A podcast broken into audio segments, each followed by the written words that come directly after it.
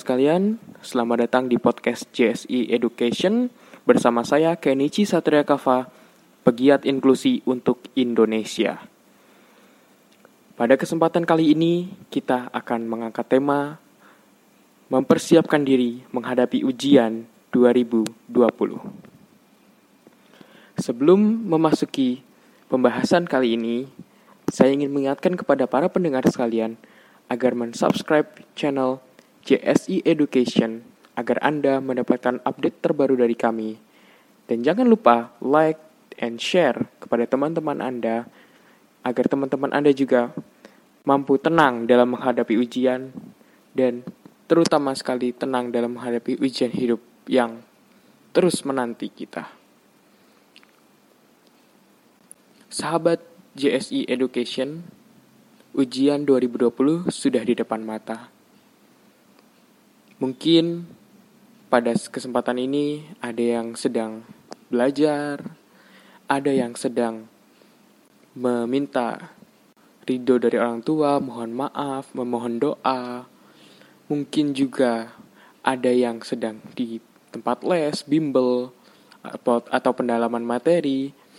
Semua itu memang sebuah usaha yang dapat dilakukan sebelum menghadapi ujian atau ulangan di 2020 ini. Namun, yang namanya ikhtiar, yang namanya usaha, pasti memiliki dua kemungkinan yang sama, yaitu berhasil dan gagal.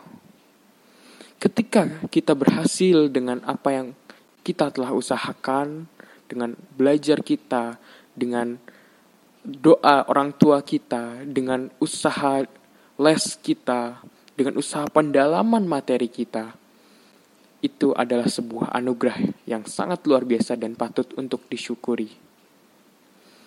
Namun, bagaimanakah jika Anda gagal dalam artian Anda mendapatkan nilai yang kurang memuaskan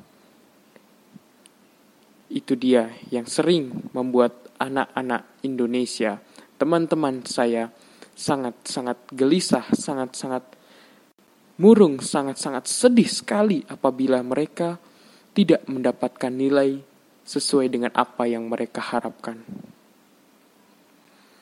Sahabat JSI Education,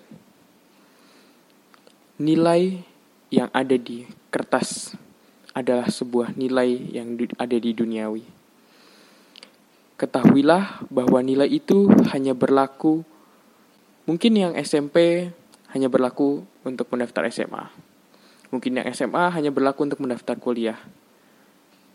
Tapi dalam kehidupan sebenarnya, nilai-nilai yang berlaku adalah nilai-nilai moral, nilai-nilai etika, attitude yang baik.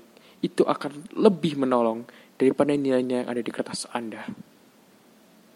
Percayalah bahwa nilai-nilai yang Anda dapatkan di atas kertas tidak menjamin kesuksesan Anda ke depan.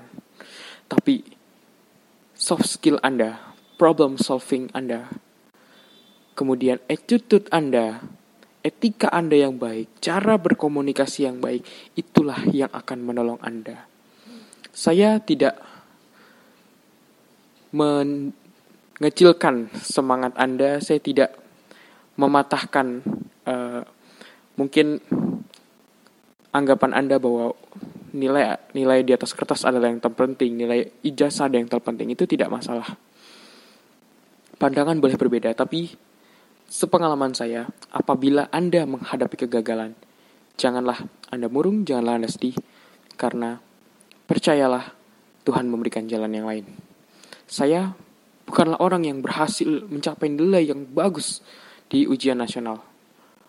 Tapi alhamdulillah saya mendapatkan jalan-jalan untuk mencapai keberhasilan saya, mencapai apa yang saya inginkan.